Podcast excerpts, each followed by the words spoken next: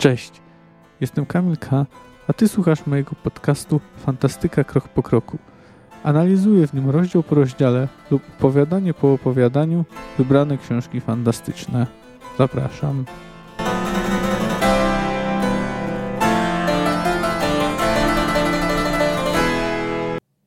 Emocje, kaprysy i kłamstwa. Fascynacja i gra. Uczucia i ich brak. Dary, których nie wolno przyjąć. Kłamstwo i prawda. Czym jest prawda? Zaprzeczeniem kłamstwa? Czy stwierdzeniem faktu? A jeżeli fakt jest kłamstwem, czym jest wówczas prawda? Kto jest pełen uczuć, które nim targają, a kto pustą skorupą zimnego czerepu? Kto? Co jest prawdą, Geralt? Czym jest prawda? Nie wiem, Jan. Powiedz mi. Nie, powiedziała i spuściła oczy. Po raz pierwszy. Nigdy przedtem nie widział, by to robiła. Nigdy. Nie, powtórzyła. Nie mogę, Geralt. Nie mogę ci tego powiedzieć. Powie to ten ptak, zrodzony z dotknięcia twojej dłoni. Ptaku, czym jest prawda? Prawda, powiedziała pustułka, jest okruchem lodu. Cześć, witam was w kolejnym odcinku podcastu Fantastyka Krok po Kroku. Dziś zajmę się opowiadaniem Okruch Lodu. Nie jest to może najlepsze opowiadanie e, Sapkowskiego, ale chyba najtrudniejsze. Najtrudniejsze do interpretacji, najbardziej skomplikowane, a z drugiej strony chyba najambitniejsze literacko. Jest w nim sporo symboliki, metafor, dużo niedopowiedzeń, sporo zostało pozostawione do interpretacji czytelnika. Więcej niż chyba w każdym dotychczasowym opowiadaniu, jakie omawiałem. A związek Geralta z Yennefer staje się bardziej skomplikowany, ale i o wiele ciekawszy. Nawet jeśli na końcu opowiadania tymczasowo wydaje się zakończony. Jak się później przekonamy, to jest tylko tymczasowe. No ale przejdźmy do krótkiego streszczenia tego opowiadania. Rozpoczyna się on od tego, że Geralt pracuje. Tym razem na śmietniku. Oczywiście nie zajmuje się tam segregacją. Walczy z potworem o nazwie Zeugl, czy też Zoigl, który upodobał sobie takie miejsca. Jego korpus jest schowany w śmieciach. Zazwyczaj łapie on swoje ofiary za pomocą macek. Sam potwór nie stanowi dla Wiedźmina wielkiego zagrożenia, ale musi on znosić okropny smród, jaki panuje w tym miejscu. Dlatego, gdy też w końcu zabija potwora, chce jak najszybciej się stąd wynieść. Trudno mu się dziwić. Jak się okazuje, Geralt aktualnie mieszka razem z Yennefer. Czyli jak widać, faktycznie pogodzili się pod koniec y, granicy możliwości. Zaraz po powrocie czarodziejka przygotowuje mi zimną kąpiel z wody morskiej. Jennefer ogląda, y, sprawdza, czy nie jest ranny, a także rozmawiają o tym, jak potwory przystosowują się do nowej rzeczywistości. Czarodziejka powołuje się tu na zdanie kogoś o imieniu Istret. To imię wyraźnie wywołuje w Wiedźminie zazdrość. Potem uprawiają miłość. Jennefer musi wspomóc Geralta zaklęciem, bo eliksiry negatywnie wpływają na jego organizm i zdolność seksualną. Miasto, w którym przebywają, nazywa się Aed Gynwael, co w języku elfów oznacza okruch lodu. Yennefer opowiada Geraltowi historię o królowej zimy. W czasie zamieci rozwiewa ona naokoło maleńkie okruchy lodu. Kołokolwiek ona nim trafi w serce lub w oko jest zgubiony. Będzie podążał za królową, nigdy jej nie odnajdując i w końcu mając tęsknoty. Wiedźmin stwierdza, że to po prostu poetyckie przedstawienie faktycznego zjawiska zwanego dzikim gonem. Polega ono na tym, że ludzie dołączają do upiornego ryszaku pędzącego po niebie. No, elfy nawet okropne rzeczy potrafią ubrać w piękne szaty. Następnego dnia rano Geralt budzi się bardzo zirytowany. Yennefer już nie ma. A to miasto w ogóle mu się nie podoba. Udaje się do starosty, chcąc uzyskać nagrodę za zabicie Zeugla. Nie znajduje go w ratuszu. Musi, musi się udać na rynek, gdzie starosta udał się, by negocjować z kupcami wysokość łapówek. Zanim dotrze do Herbolta, bo tak ma na imię starosta, pewne problemy, czy może raczej nieprzyjemności spowoduje Iwo Mirce, zwany Cykadą. Pełni on rolę uchroniarza starosty. Jest też znany ze słyszenia Wiedźminowicz. Ma raczej nieciekawą reputację. Geralt oddaje mu swój miecz. Cykada próbuje go zaczepiać, prowokować, ale Geralt w zasadzie go lekceważy. Wiedźmin negocjuje ze starostą nagrodę, jaka mu się należy. Herbold rozpoczyna licytację z 70 marek, Wiedźmin żąda 100. W końcu kończą na 95, z czego starosta zabiera jeszcze 5 w ramach podatku. Geralt dowiaduje się, gdzie mieszka Istred, a także, że Yennefer, jeśli już przybywa do Aed Gynwael, to nie odjeżdża tak szybko. Odchodzi przy okazji znów musząc wytrzymać za szybki cykady. Ale Geralt jest spokojny. Wiedźmin udaje się do Istreda. Pyta się, czy w środku jest Yennefer. Czarodziejki tam nie ma, ale sam Istred, który jest, też jest czarodziejem, zaprasza go na rozmowę. Wygląda na około 40 lat, jest szpakowaty. Cała rozmowa jest raczej antagonistyczna. Geralt zaczyna od zaczepki, a Istred nie pozostaje dłużny. W końcu jednak przychodzą do rzeczy. Zaczynają mówić o Yennefer. Istred zdradza, że zna się z nią od dawna. I o ile ich dotychczasowa znajomość była raczej luźna, co jest dość typowe dla ludzi ich profesji, teraz postanowił zaproponować jej stały związek. Yennefer odpowiedziała mu, że musi się zastanowić. Czarodziej stwierdza, że to właśnie Wiedźmin sprawia, że czarodziejka nie może podjąć decyzji. Mówi więc Geraltowi, żeby się sam usunął. Odjechał z miasta i z życia Yennefer. Uważa go za, za jej przylotną miłostkę, za kaprys, a sam Geralt jest według niego pozbawiony uczuć i emocji. Co najwyżej może projektować jakieś emocje odczuwane przez czarodziejkę. Co ciekawe, w rozmowie padają takie pojęcia jak pamięć somatyczna. Uważa, że z tego względu Geralt nie ma prawa mu odmówić. Geralt się z tym nie zgadza. Na końcu obydwaj przechwalają się nawzajem tym, że, że Yennefer z nimi niedawno spała. Geralt czeka na powrót czarodziejki. Gdy w końcu wraca, przyznaje mu się ona, że Istreda zna od dawna i informuje Geralta, że jego prawdziwym imię brzmi Val. Istred to tylko przydomek. Yennefer przyznaje Geraltowi, że rozważa propozycję, jaką złożył jej czarodziej. Geralt użala się nad sobą. Powtarza słowa Istreda o tym, że jest mutantem pozbawionym uczuć.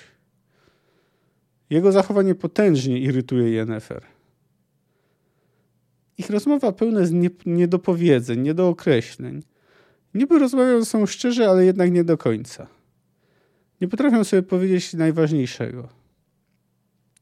Następnie czarodziejka przy pomocy jego ręki wyczarowuje pustułkę. Drugą pustułkę, bo pierwszą y, Geralt widział już poprzedniego dnia. Ich rozmowa staje się coraz bardziej zawiła, a kończy się słowami, które już przytoczyłem na początku. Pus wypowiada je pustułka. Prawda jest okruchem lodu. Geralt dociera do wykopów archeologicznych, jakie prowadzi Istred. Czarodziej wie więcej o związku Wiedźmina i Yennefer, a może po prostu przestał się oszukiwać. Zorientował się, że Geralt to nie jest jednak tylko przelotna mi miłostka, nie jest tylko zabawką Yennefer. Wyzywa Wiedźmina na pojedynek. Ten nieco skonfudowany, zaniepokojony, ale przyjmuje wyzwanie. Udaje się do najgorszej speluny w mieście. Najwyraźniej Wiedźmin postanowił się upić. Znajduje go tam starosta. Wyraźnie objawia się o życie czarodzieja. Nie chce, by mu się coś stało. Jest potrzebny w mieście. Próbuje przekupić Wiedźmina, ten jednak go wygania i to w dość ostrych słowach. Geralt decyduje się popełnić samobójstwo. Nie sam, ale z pomocą. Prowokuje bandytów, obnosząc się z mieszkiem pieniędzy. Jednak ten z nich, który widzi jego medalion, zostawia go. Być może ze strachu, z przesądów. Mówi Wiedźminowi, że jeśli chce popełnić samobójstwo, niech powiesi się e, w stajni na lejcach. Niech nie wciąga w to innych. Rano Geralt zmierza w kierunku miejsca ustalonego z Istredem. Nim jednak do niego dociera, zaczepia go cykada. Próbuje go wyzwać na pojedynek, Geralt go ignoruje. Cykada obraża Yennefer, w końcu grozi Wiedźminowi, że napluje mu w twarz. Geralt mu mówi, żeby sobie pluł. Gdy faktycznie próbuje to zrobić, Wiedźmin uderza go kulczastą rękawicą. To wystarczy, aby zakończyć starcie, ale na odchodny Geralt częstuje go jeszcze kopniakiem. Dociera na miejsce pojedynku. Istret na niego czeka. Istret chce walczyć mieczem, a nie magią. Gdy Geralt domaga się wyjaśnień, czarodziej przekazuje mu wiadomość, jaką dostał od Yennefer. Okazuje się, że odrzuciła jego propozycję. Pewnych darów nie można przyjąć, jeśli nie jest się w stanie zaoferować czegoś w zamian. Czarodziej żąda, żeby Geralt stanął do walki, ale on odmawia. Mówi Stradowi, że, że jeśli chce popełnić samobójstwo, niech nie wciąga w to innych. Wraca do mieszkania, chcąc przeczytać list, który jest przeznaczony dla niego. Streszczenie okruchu lodu zajęło mi stosunkowo niewiele czasu. Stało się tak nie dlatego, że to jest jakoś szczególnie krótkie opowiadanie, raczej dlatego, że samej akcji jest w nim niewiele.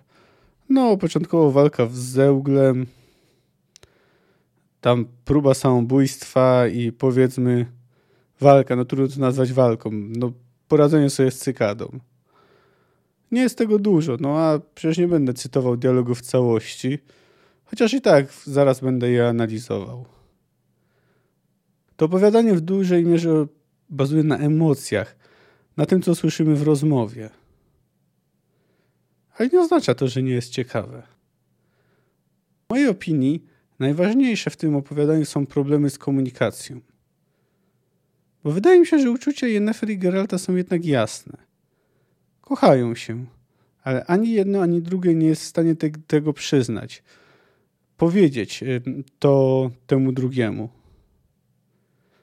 Nim jednak zagłębimy się w tę relację, a także powiemy kilka słów o roli Streda, to najpierw chyba trzeba przytoczyć kilka słów o faktografii. Co wiemy o ich związku? Wiemy, że to opowiadanie toczy się już po granicy możliwości, bo teksty w Mieczu Przeznaczenia są y, umiejscowione chronologicznie. Na koniec granicy możliwości pogodzili się ze sobą. Nie wiemy jednak, jak aktualnie łączy ich relacja. Czy są w związku? Czy są ze sobą na stałe? Czy ustalili ze sobą, ze sobą ekskluzywnie? Czy też po prostu o tym nie mówili? Ta wersja jest całkiem prawdopodobna, uwzględniając, że oni wielu rzeczy po prostu sobie nie mówią. A Geralt mógł przyjąć to jako oczywiste. Nie wiemy, jakie jest do końca zdanie Yennefer na ten temat. Ale wiemy, jak ona widzi siebie samą.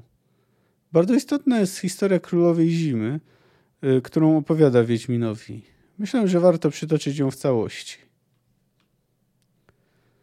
Wśród elfów, szepnęła czarodziejka w zamyśleniu, krąży legenda o Królowej Zimy, która w czasie zamieci przebiega krajestaniami zaprzężonymi w białe konie. Jadąc, królowa rozsiewa dookoła twarde, ostre, maleńkie okruchy lodu i biada temu, kogo taki okruch trafi w oko lub w serce. Taki ktoś jest zgubiony. Nic już nie będzie w stanie go ucieszyć. Wszystko, co nie będzie miało bieli śniegu, będzie dla niego brzydkie, wstrętne, odrażające. Nie zasna spokoju, porzuci wszystko, podąży za królową, za swoim marzeniem i miłością. Oczywiście nigdy jej nie odnajdzie i zginie z tęsknoty. Podobno tu, w tym mieście w zamierzchłych czasach zdarzyło się coś takiego. Ta historia ma kluczowe znaczenie przy próbie interpretacji tego opowiadania, przy próbie zrozumienia tego, jak widzi samą siebie Yennefer. Nie do tego przejdę, chciałbym poświęcić kilka słów baśni, która zainspirowała tę historię. Jak myślę, niemal wszyscy się domyślacie, chodzi o Królową Śniegu autorstwa Hansa Christiana Andersena. Opowiada ona o tym, że diabeł pod postacią trola stworzył zwierciadło, które wykrzywia rzeczywistość. Rzeczy dobre i piękne pokazuje jako złe i brzydkie. Chcąc zrobić na złość Bogu i aniołom, próbował razem z pomocnikami zanieść je do nieba. Upuścili je jednak i rozbiło się na tysiące kawałków, które spadły na ziemię. Odłamki trafiły w serce i oko pewnego chłopca o imieniu Kai, którego przyjaciółką była dziewczynka o imieniu Gerda. Kai natychmiast stał się złośliwy i agresywny. Obrażał innych, robił im kawały. Pewnego zimowego dnia udał się na rynek i podpiął swoje sanie, e, swoje sanki do interesujących wielkich sani. Okazuje się, że należą one do królowej śniegu, która zabiera go poza miasto i tam całuje go dwa razy. Raz, żeby nie było mu zimno, i drugi raz, żeby zapomniał o Gerdzie i całej swojej rodzinie. Zabiera go do swojego pałacu. Mieszkańcy miasteczka uznali, że Kai zginął. Gerda jednak wyrusza na poszukiwania, a gdy rzeka informuje ją, że jej przyjaciel żyje, wyrusza, by go odnaleźć. Przeżywa podczas podróży wiele przygód. Rozmawia z roślinami i zwierzętami, musi wymknąć się czarownicy, korzysta z pomocy księcia i księżniczki, a także pewnej rozbójniczki. Oprócz tego wspierają też zwierzęta: kruk, wrona, renifer. W końcu dziewczynka dociera do pałacu. Gerda ratuje Kaja za pomocą siły swojej miłości i jej ciepłe łzy tają jego serce. On sam zaczyna płakać i z jego oka znika drugi odłamek zwierciadła. Wracają razem do domu i zostawiają wszystko tak, jak było, tylko że oni są więksi. Jak więc widać, tym razem Sapkowski wziął niemal niezmieniony kawałek baśni i użył go jako legendy w swoim świecie. Jennewer widzi siebie właśnie jako królową zimy. Wyjaśnia to, gdy rozmawia z Geraltem po jego wizycie u Istreda. Jest tą właśnie elfią królową, która pragnie ciepła, ale która go nie dostanie, bo nikt nie pokocha prawdziwej jej. Bo gdy staje ten śnieg, który ją otacza, czy też lód, który ją otacza, jej prawdziwe oblicze będzie nie do pokochania. I to jest właśnie problem czarodziejki w tym opowiadaniu. Uważa ona, że nie zasługuje na miłość. Uważa, że gdy tylko ten wspomniany ogień miłości stopi jej lodową fasadę, to przestanie być kochana, to uczucie znika. Ten lęk kieruje jej postępowaniem, dlatego będzie szukać nowych nieszczęśników i każdy z nich będzie zgubiony. A jej wątpliwości, jej lęk zostają jeszcze wzmocnione przez to, że Geralt nie jest w stanie jej powiedzieć, że ją kocha. Oczywiście, jako czarodziejka zapewne doskonale zdaje sobie sprawę z uczuć Wiedźmina, no ale jedna rzecz wiedzieć o czymś, a druga rzecz o tym usłyszeć. Biorąc pod uwagę okoliczności, biorąc pod uwagę całą aferę z Istredem, trudno w sumie mieć o to do Wiedźmina pretensje. Niemniej jego zachowanie potwierdza y, jej obawy. Tutaj warto poczynić jedną obserwację. Na początku opowiadania istnieje tylko jedna pustułka. Yennefer tworzy drugą dopiero po tej rozmowie z Geraltem gdy on, gdy ani on, ani ona nie są w stanie powiedzieć drugiej osobie, że ją kochają. Wydaje mi się więc, że Yennefer przybyła do Edginwal z założeniem, że rozstanie się z Istredem, że będzie z Geraltem. Ale on ku jej zaskoczeniu złożył jej propozycję i ona zaczęła mieć wątpliwości. Może pewna stabilność, oparcie, którą oferuje czarodziej, jest tym, czego potrzebuje? No na dodatek sam Geralt nie jest w stanie powiedzieć jej prawdy, tego co do niej czuje. Trudno powiedzieć, czy sam ma wątpliwości co do tego, że posiada prawdziwe uczucia, czy też yy, faktycznie chce się usunąć, żeby Yennefer była z Istredem. Oczywiście to jest absurd, bo Yennefer mu dość emocjonalnie przekazuje, że gdyby był dla niej przeszkodą, to pozbyłaby się go bez problemu. Yennefer niezwykle irytuje to, gdy Geralt odnosi się do siebie jako od mutanta, wspomina o tej właśnie pamięci somatycznej. Ona wie, że to nie jest prawda. Zresztą w ogóle czarodziejką problem nie jest w tym, że ona nie wie, czego chce. Ja sądzę, że wie. Chce być z Geraltem. Ale boi się, że gdy dopuści go naprawdę blisko, to czar pryśnie. Bo prawda jest okruchem lodu. A właśnie, co to znaczy, że prawda jest okruchem lodu? To oznacza, że jest coś, co może zranić, coś, czymś, co może zranić, czymś, co może sprawić ból. Właśnie tego boi się Yennefer. Jest też, można powiedzieć, czymś niestałym, tymczasowym, bo w końcu prawda może stopnieć. No a z drugiej strony, gdy stopnieje, to może właśnie to ciepło wygenerowane będzie dobre. No ale Yennefer w to nie wierzy. Yennefer wierzy, że prawda jest okruchem lodu w tym sensie, że zrani. Że ją zrani. Dlatego boi się dopuścić Geralta zbyt blisko do siebie. Nie chce, żeby poznał prawdziwą ją. I w tym kontekście łatwiej zrozumieć całe jej zachowanie z poprzednich opowiadań, zwłaszcza z ostatniego życzenia. Tu nie chodzi tylko o nienawiść do bycia traktowaną jak przedmiot, chociaż ona oczywiście też jest ważna. Chodzi też o jej przekonanie, że nikt jej nie pokocha. Sprawia ono, że ona odrzuca od siebie ludzi nawet życzliwych. Że traktuje ludzi czysto instrumentalnie, niejednokrotnie traktuje ludzi czysto instrumentalnie. W sumie cała ta afera byłaby łatwa do uniknięcia. Wystarczyłoby tylko, żeby Yennefer i Geralt szczerze ze sobą porozmawiali. Bez metafor, y, bez uciekania w jakieś, w, bez uciekania w symbolikę, bez używania niedopowiedzeń. Po prostu wystarczyłoby, żeby szczerze zamienili kilka słów. No ale to jest właśnie kluczowe w moim, w moim rozumieniu tego opowiadania. Właśnie ten brak komunikacji. Może nie raczej brak, tylko komunikacja niedokładna, niepełna, nie do końca szczera. To jest jakby główny wątek tego opowiadania. Nad nim się właśnie zasadza. Ja w ogóle uważam brak komunikacji w społeczeństwie, to, że mówimy różnymi językami, różnie pojmujemy pewne rzeczy, za jedno z głównych wyzwań, przed jakimi współcześnie stoimy i nie bardzo widzę rozwiązanie. No Yennefer i Geralt, pomimo że mają sporo lat, to ich, jakby to powiedzieć, umiejętności miękkie nie są na najwyższym poziomie. Trzeba jednak pamiętać, że cała historia nie rozgrywa się jedynie pomiędzy Yennefer i Geraltem. Jest nie jeszcze trzecia osoba, czyli Istred. W jego przypadku możemy być pewni, że czarodziejka nie darzy go uczuciem.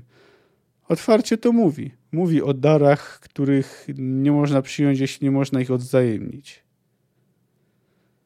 Wiemy, że zna się z Yennefer od dawna i łączą ich kontakty erotyczne i zawodowe, no a także zainteresowania. No ale to nie oznacza od razu, że Yennefer się w nim zakochała. Istred wydaje się natomiast być zakochany w Yennefer. Może nawet nie tyle się wydaje, no jestem prawie pewien, że jest zakochany. Wskazuje na to całe jego zachowanie. Natomiast to, jak ona sama go opisuje, jest niemalże wolne od emocji. Wspomina, tak jak już y, o tym powiedziałem, że mają te same zainteresowania i ambicje. A także Istred może jej zaoferować oparcie. No można przyjąć, że chodzi tu o pewną stabilizację. No i tu jest duża różnica z tym, jak mówi o Geralcie. W związku z Geraltem mówi w kategoriach emocjonalnych, niekiedy może nawet zbyt emocjonalnych. A w przypadku czarodzieja, przynajmniej gdy go opisuje, jest zaskakująco racjonalna. No ale warto zwrócić uwagę, że jeśli naprawdę wierzy, że nie może być kochana, to może się taki istret taki stabilny Istret wydawać nie najgorszą opcją. No ale o ile nie ma emocji ze strony Yennefer, jak się wydaje, to ze strony czarodzieja jest ich co niemiara. Trudno powiedzieć, na ile jest szczery w pierwszej rozmowie z Geraltem. Czy naprawdę wierzy, czy też może nawet wie, że Wiedźmini nie mogą odczuwać emocji, uczuć. Czy też po prostu to sobie wmawia. To w ogóle jest ciekawe, czy Wiedźmini w ogóle nie odczuwają emocji, czy na przykład Geralt jest wyjątkiem i odczuwa, ale sądząc z późniejszej treści książki, to jednak tak nie jest. Być może Wiedźmini odczuwają emocje słabiej, ale je odczuwają. No ale może Istrat faktycznie wierzy, że Wiedźmin jest tylko przelotną miłos miłostką, zabawką. No ale jeśli tak, to jest trochę dziwne, że czuł się aż tak przez nią zagrożony. W końcu przelotna miłostka może przeminąć. A mógłby ten, dajmy na to rok, poczekać i ponowić Yennefer swoją propozycję. No ale już przy drugiej rozmowie stosunek czarodzieja do Geralta się zmienia. Trudno powiedzieć, czy on sam wyciągnął wnioski z tego, co się stało, czy może stało się tak po roz jakiejś rozmowie z Yennefer, o której nie wiemy. W każdym razie nie uważa go już dłużej za zabawkę. Uważa go za równego sobie rywala do serca Yennefer. Za śmiertelne wręcz zagrożenie, które trzeba usunąć. A gdy spotykają się przed pojedynkiem, Istred jest, można powiedzieć, zrozpaczony. On uznaje, że jeśli nie może mieć Yennefer, to nie ma po co żyć. W takim razie chce skinąć w walce. Być może liczy na to, że czarodziejka znienawidzi Geralta. Dlatego sięga po miecz. W końcu prawdopodobnie za pomocą magii mógłby sobie łatwo z Wiedźminem poradzić. Wiedźmin raczej słusznie nie godzi się na wzięcie udziału w tej farsie. Czarodziej jeszcze raz poszliwie próbuje go sprowokować, mówiąc, że będzie jej szukał, że znajdzie ją na końcu świata, ale Geralt y, ją go już lekceważy. Istred oczywiście jest antagonistą Geralta w tej historii. Odnosił się do niego często niezbyt grzecznie, ale nie jest osobą złą. Gdyby taką był, to po prostu by zabił konkurenta do serca Yennefer. Wiadomo, że mógłby to zrobić. Sam starosta wspomina o tym, że Istred jest wręcz, że Istred jest bardzo przywiązany do idei honoru. Czy czarodziejka rozwiązała tę sytuację najlepiej jak mogła? No jest raczej oczywiste, że nie. Nie mamy wszystkich szczegółach o jej związku z Wiedźminem. No i niemniej jasne jest, jak już to powiedziałem kilkukrotnie, że komunikacja między nimi jest niepełna. Nie wspomina Wiedźminowi o swoich relacjach z Istredem. I to jest mimo wszystko nieco dziwne. Natomiast mówi mu, że wiedziała, że pójdzie z czarodziejem do łóżka to mogłoby trochę osłabić moją tezę, że planowała z nim zerwać, no ale z drugiej strony niekoniecznie. Być może po prostu chciała się z nim tak pożegnać. Wiem, że to może być dziwny sposób na pożegnanie, no ale generalnie reakcje pomiędzy czarodziejami są specyficzne. A Yennefer może być specyficzna nawet jak na czarodziejkę. Niemniej jednak jej założenie, że Istred i Geralt w ogóle się nie spotkają, jest raczej dość naiwne trudno powiedzieć, dlaczego tak zakładała. Wydaje się, że po prostu pewnych rzeczy nie przemyślała. No, ona sama mówi o tym, że zgubiła ją pycha królowej zimy. No, ale w tym przypadku oczywiście mówi odnosząc się do całości relacji pomiędzy nią i Geraltem. Wtedy, gdy uświadamia sobie, a przynajmniej ona twierdzi, że potrzebna będzie druga pustułka. No, trzeba jeszcze jednak trochę czarodziejkę usprawiedliwić można powiedzieć, że to ona postawiła mężczyzn w tym położeniu, no ale przecież nie do końca. To nie jest tak, że oni są jej niewolnikami i nie potrafią sami podejmować decyzji. Ona wydaje się, wyraźnie czuje się też przez nich osaczona. I nawet pomimo tego, że moim zdaniem wyraźnie skłania się do Geralta, no to tak jak mówię, musi uciec. Można powiedzieć, że ucieka, ucieka nawet przed własnym uczuciem. Widzi siebie jako królową zimy, ale przecież nią nie jest. Trójkąt Geralt, Yennefer Istred jest kluczowym, jest osią tego opowiadania, no ale nie jest jedynym, jedyną rzeczą, o której warto wspomnieć i powiedzieć kilka słów. Wróćmy do samego miasta, do Aed Gynwael. Nie podoba się ono Geraltowi. Trudno w sumie się dziwić, skoro żeby zarobić tu jakieś pieniądze, musi dosłownie nurzać się w gównie. No i nie da się ukryć, że z tego, co on mówi, to miasto prezentuje się niezbyt zachęcająco. No, może być tak, że tutaj kłania się y, opowieść o królowej zimy, czy też y, baśń Andersena, i że po prostu tak postrzega teraz rzeczywistość, że wszystko wydaje mu się brzydkie i złe. Łącznie z tym miastem. No niemniej oberżysta molestujący nieletnią dziewczynkę są tylko zastanawiające, że Wiedźmin nie interweniował w tej sytuacji. No ale wiemy już z poprzednich y, opowiadań, że on generalnie stara się nie mieszać, gdy nie ma potrzeby. Inną rzeczą, która też jest obiektywnie no, niefajna, jest napis elfy do rezerwatu na murach. No ale z drugiej strony Edgenwall irytuje go, bo miasto jest bardziej duszne, hałaśliwe i brudne niż inne. Nie wiemy, czy tak faktycznie jest. Może po prostu tak mi się, tak mu się wydaje. A propos tych elfów. To jest kwestia zupełnie poboczna, ale da się zaobserwować dwie rzeczy. Jedną jest oczywiście niechęć do nich, y, jaką pokazuje ten właśnie napis Elfy do rezerwatu, jak i słowa starosty Herbolta, że wszystko co złe to przez elfów. I przez wozaków ma ochotę dodać Geralt. No tu widzimy takie paralele do naszego świata, gdzie jest ten żart, że wszystko jest co złe to przez Żydów i cyklistów. A więc stosunek do elfów jest, ludzi jest ewidentnie negatywny. No a przynajmniej niektórych ludzi. Ale dowiadujemy się też, że pół, przynajmniej półelfy niekiedy piastują w tym rejonie całkiem wysokie stanowiska, także ich dyskryminacja nie jest całkowita. Są w stanie, przynajmniej w pewnych miejscach, yy, dotrzeć yy, całkiem wysoko w hierarchii społecznej. Przez całe opowiadanie pojawia się też cykada – ale de facto Wiedźmin w ogóle go nie traktuje poważnie. Wprawdzie jest człowiekiem o złej sławie, za którego głowę wyznaczono nagrodę w Wyzimie i w innych miejscach. Wiedźmin o nim słyszał. Ale Geralt w ogóle nie traktuje go poważnie. Raczej jako drobną niedogodność. A gdy staje się trochę większą niedogodność, to radzi sobie z cykadą bez żadnych problemów. Cóż, Cykada chciał się dowiedzieć, czy Wiedźmini naprawdę są tak groźni, jak się mówi. Chyba się przekonał. No i tutaj taka ciekawostka, jak chodzi o potwory. Jennifer wspomina za Istredem, że niektóre potwory adaptują się do życia w miastach. Przykładem tego jest właśnie Zeugl, który żyje wśród y, śmieci. A Geraltowi samemu przychodzą na myśl żerujące na cmentarzach góle.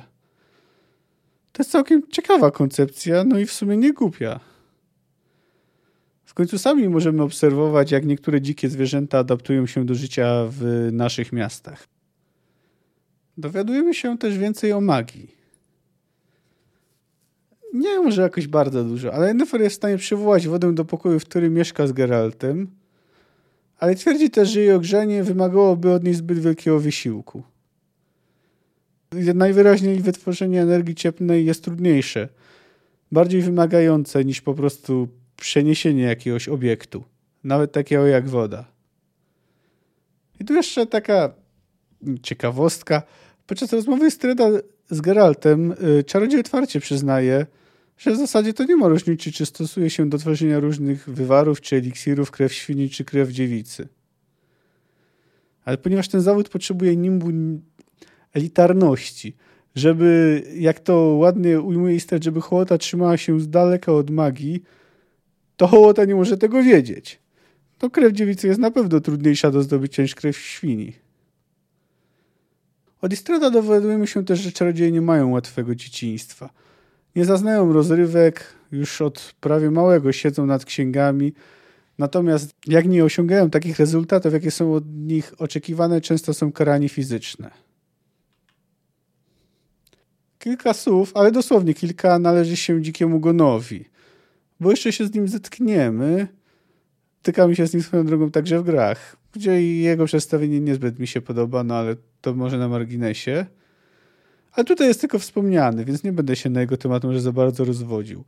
Wspomnę tylko, że motyw upiornego orszaku przemierzającego niebo i, pory i porywającego ludzi jest dość powszechny w europejskiej literaturze i folklorze. Nazywany ten orszak jest różnie. Niekiedy dziki łów, niekiedy dziki gon albo jakoś podobnie. W tym opowiadaniu nie ma może za dużo humoru, bo nie za bardzo by tutaj pasował. To jest poważne opowiadanie, w którym panuje mocno depresyjny klimat. Jest w nim trochę takiej gorzkiej ironii, gdy starszy cechu kupieckiego, czyli elf, patrzy na Geralta z wyższością dziwną u kogoś, kogo mają zamknąć w rezerwacie. Powiedziałbym, że takim jedynym humorystycznym elementem są interakcje Geralta z cykadą. Nie są to oczywiście żarty, przy których wybucha się śmiechem, ale ogólnie to jak Geralt traktuje cykadę niepoważnie, no podoba mi się, wywołuje uśmiech na mojej twarzy. Przytoczę tutaj chyba ich najzabawniejszą konwersację. Dym w oczy, Wiedźminie. Nic, aby dym w oczy. Straszycie ludzi niby pszczelarz pszczoły dymem i smrodem, tymi waszymi kamiennymi twarzami, tym gadaniem, plotkami, które pewnie sami o sobie rozpuszczacie.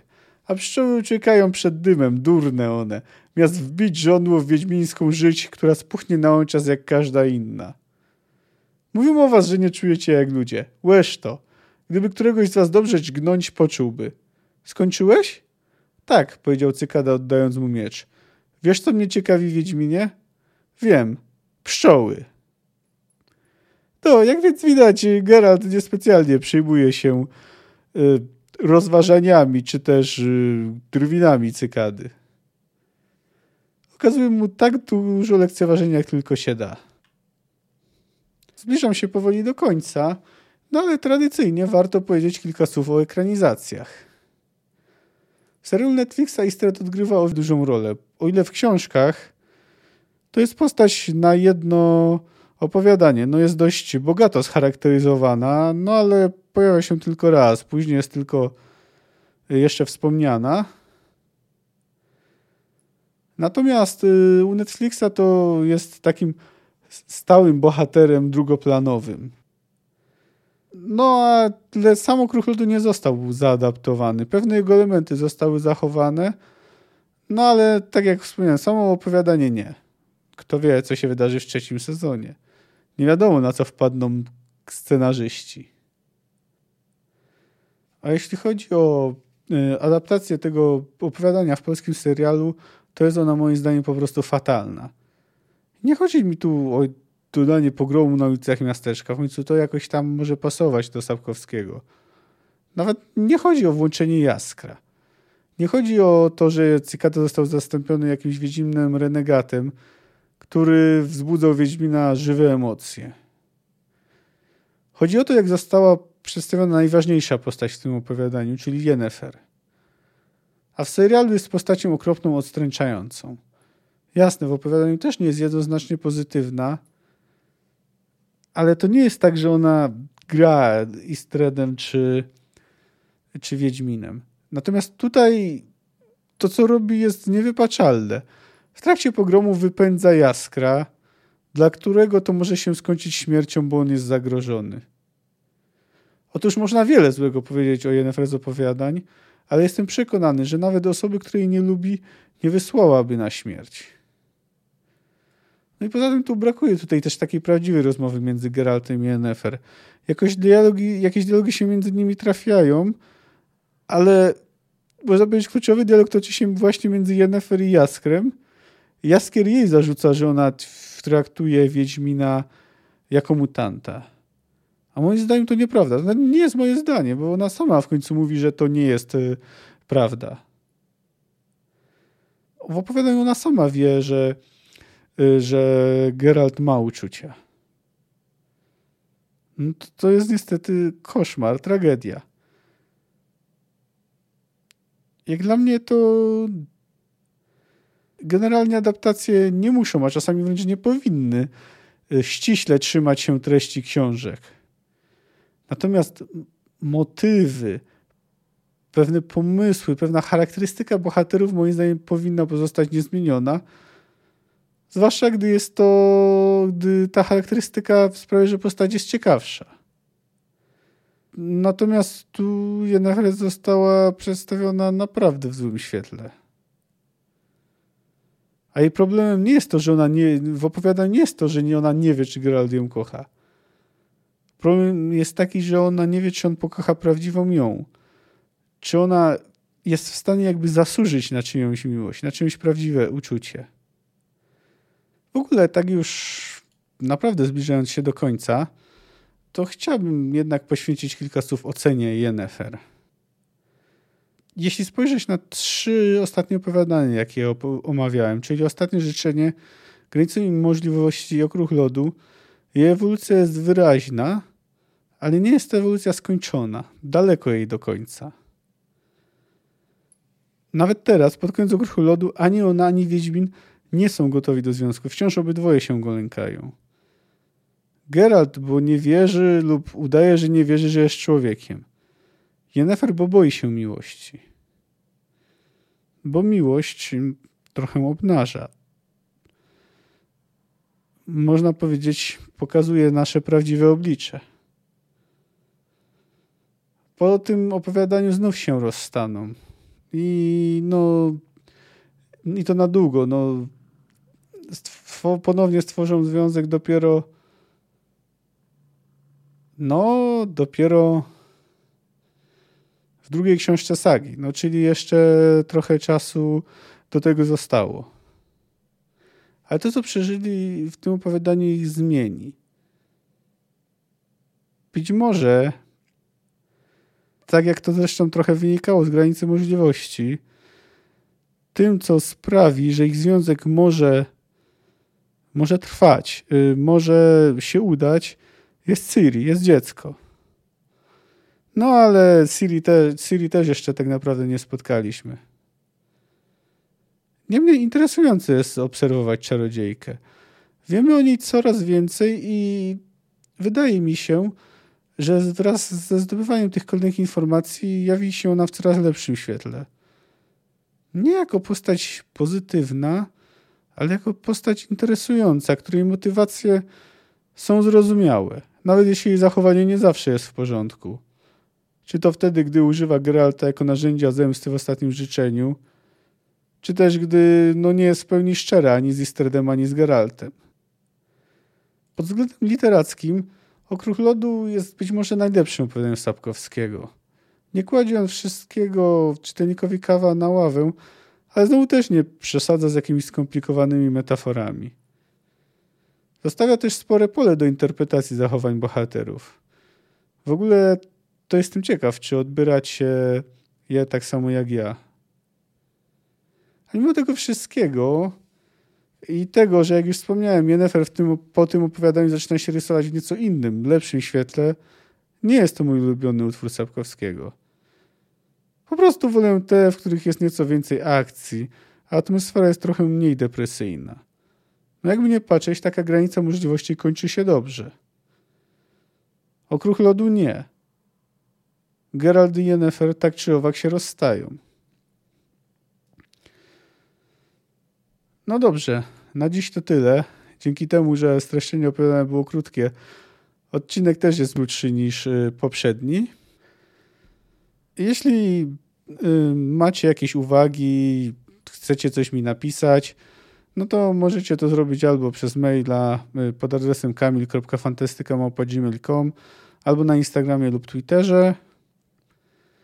Y, podcast jest dostępny na Spotify, y, SoundCloudzie, YouTube, Apple Podcast, Stitcherze, Deezerze i w innych miejscach, których pełen spis znajdziecie na stronie fantastykapokroku.blubry.net.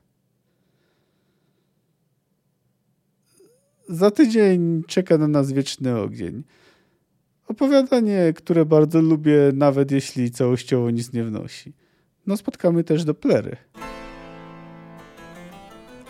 Cześć!